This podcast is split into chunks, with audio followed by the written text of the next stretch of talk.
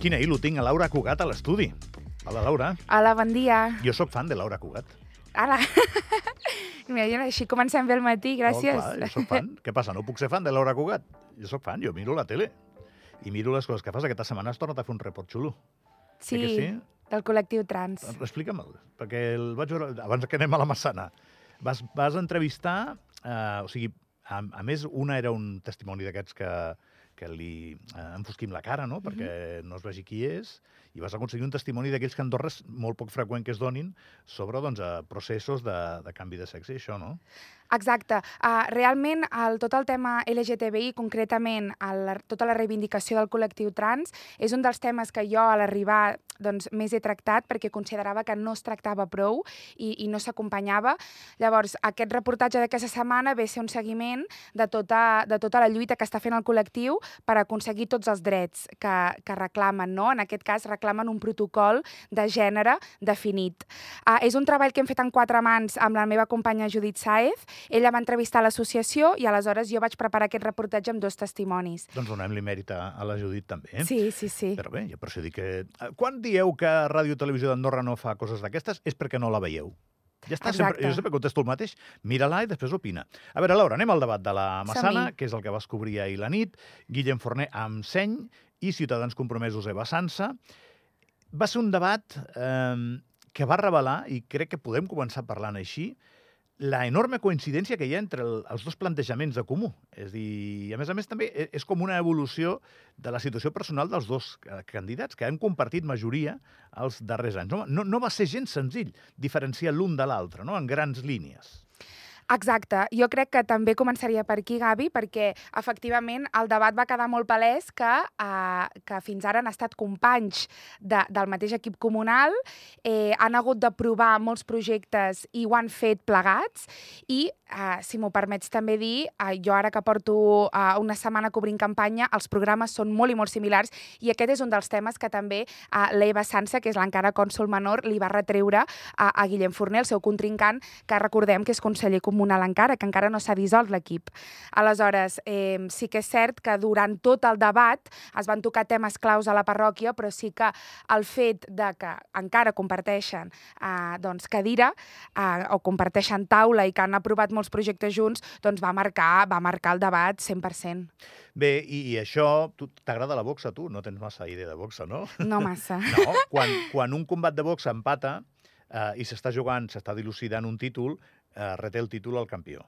Això li va a favor a Eva Sansa.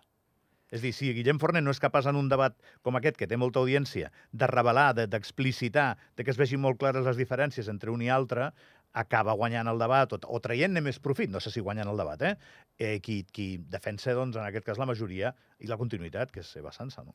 Jo crec que sí, jo crec que en aquest cas la Eva tenia una carta molt important que era retreure-li el, el fet de totes les crítiques que li feia de projectes eh, que, que porten al programa, són, són projectes que fins ara, per exemple, en matèria d'urbanisme, no, que jo crec que és el gran cavall de batalla, eh, la Eva li retreia, ostres, tu ara em dius que arribem tard amb la revisió de, del pla d'urbanisme i, i amb, amb les concessions que hem donat pel que fa a les noves promocions, però tu ho has aprovat tot. I precisament aquest Li és... va dir més d'un cop, això, eh? Sí, li va dir més d'un cop, i no només amb l'urbanisme, sinó també amb altres qüestions. Llavors jo crec que aquí eh, és un de, dels punts de rivalitat més importants que va haver-hi i que en aquest cas, com comentàvem, la Eva eh, potser sí que tenia un cert avantatge perquè li retreia, ostres, com és que et queixes si ho has aprovat? Jo crec que això va quedar bastant clar durant, durant la sessió. És que un, hi ha un tema indiscutible. Tu votaràs un o l'altre.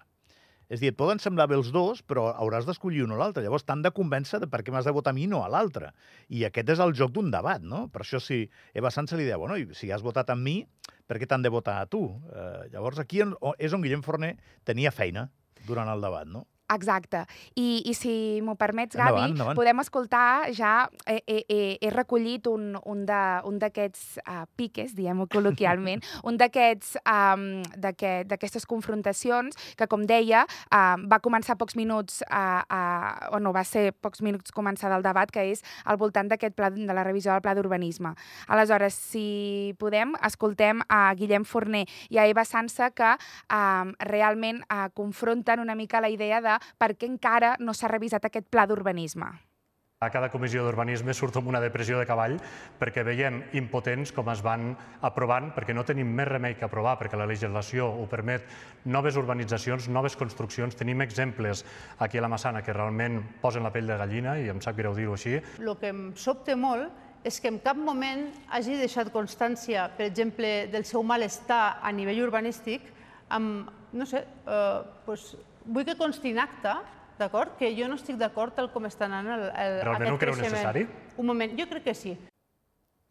Bueno, mm, és, és el que estem dient, no? Va va haver algun punt de fricció, però sempre girava, pivotava sobre aquest argument, no? Eh, Escolta, tu estaves amb nosaltres, no? Exacte, Ja.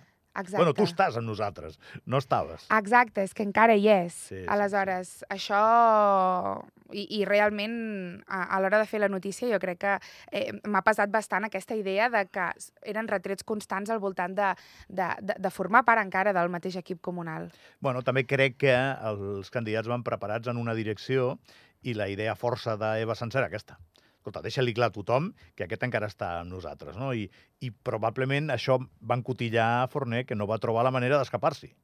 Exacte, 100%. I a banda d'haver-hi aquesta confrontació amb el tema d'urbanisme, Gavi, um, també, i abans ho parlàvem, amb el tema de l'heli- de, de l'estació d'esquí. Per exemple, la Eva Sansa li diu ostres, eh, em sorprèn que no portis al programa res sobre l'estació d'esquí, quan Mm. és un dels principals motors de la parròquia.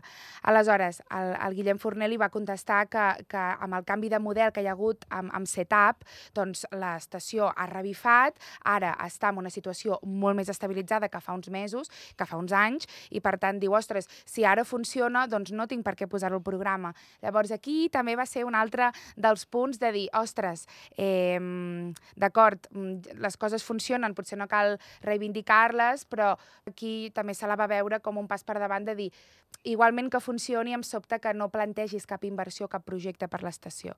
Llavors aquí va ser un altre punt així una mica uh, tens. Tenim un, un tall més, no? De, de, què anava l'altre? Doncs sí, l'altre tema que, que havia seleccionat és sobre l'heliport nacional, un Ahà. tema que, que porta molta cua. Sí. Um, és un tema que es va presentar, que el govern va presentar just fa unes setmanes, però que uh, en el programa d'Emseny continua sortint perquè ells consideren que el projecte que hi ha ara és molt diferent del projecte que es va presentar inicialment, un projecte que a nivell de, de mida doncs, està sobredimensionat, hi ha hagut un canvi del tipus d'aeronaus que ells pensen que eh, farà que no sigui una infraestructura rendible econòmicament, Ara són més petites. Sí, exacte. Llavors, ells, ells consideren que no serà rendible i, a més, també eh, li va criticar que ha com en el projecte s'esmenta el potencial urbanístic de la zona.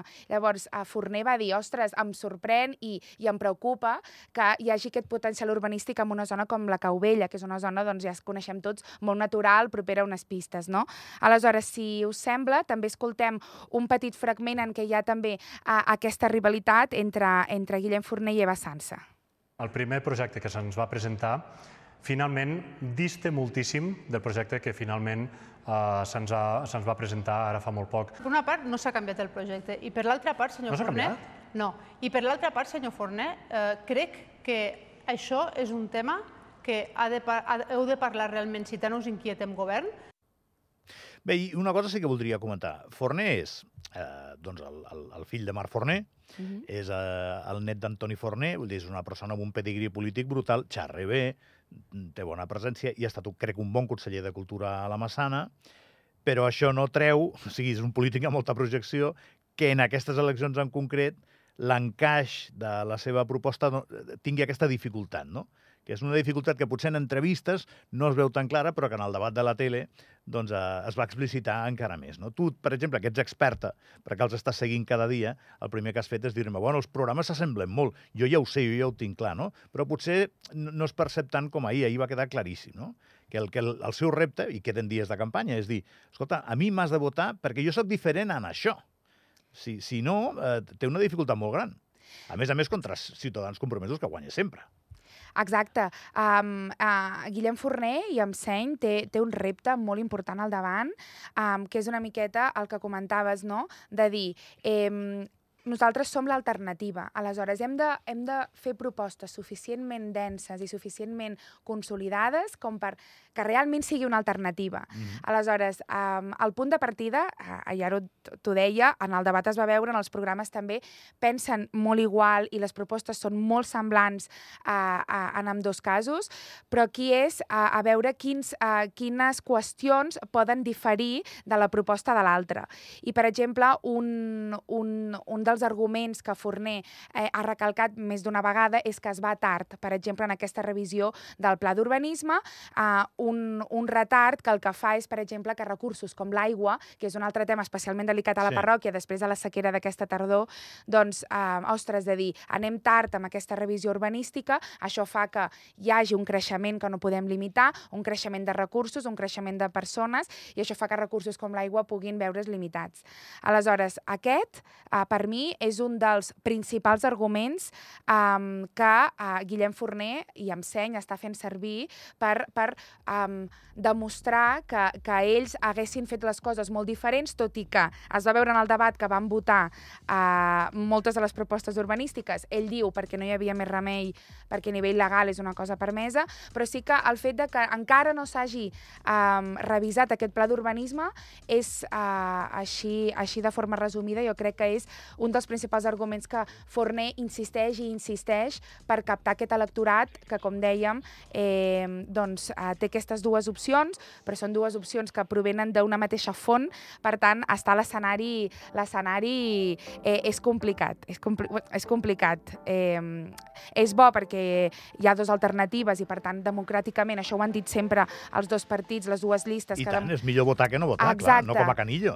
Exacte, o sigui, e, és millor escollir l'únic que hi ha aquest, uh, aquest hàndicap o hi ha, o hi ha uh, aquestes peculiaritats um, que, que ho posen difícil o que ho posen més complicat per un candidat que per l'altre, jo crec. Moltes gràcies, Laura.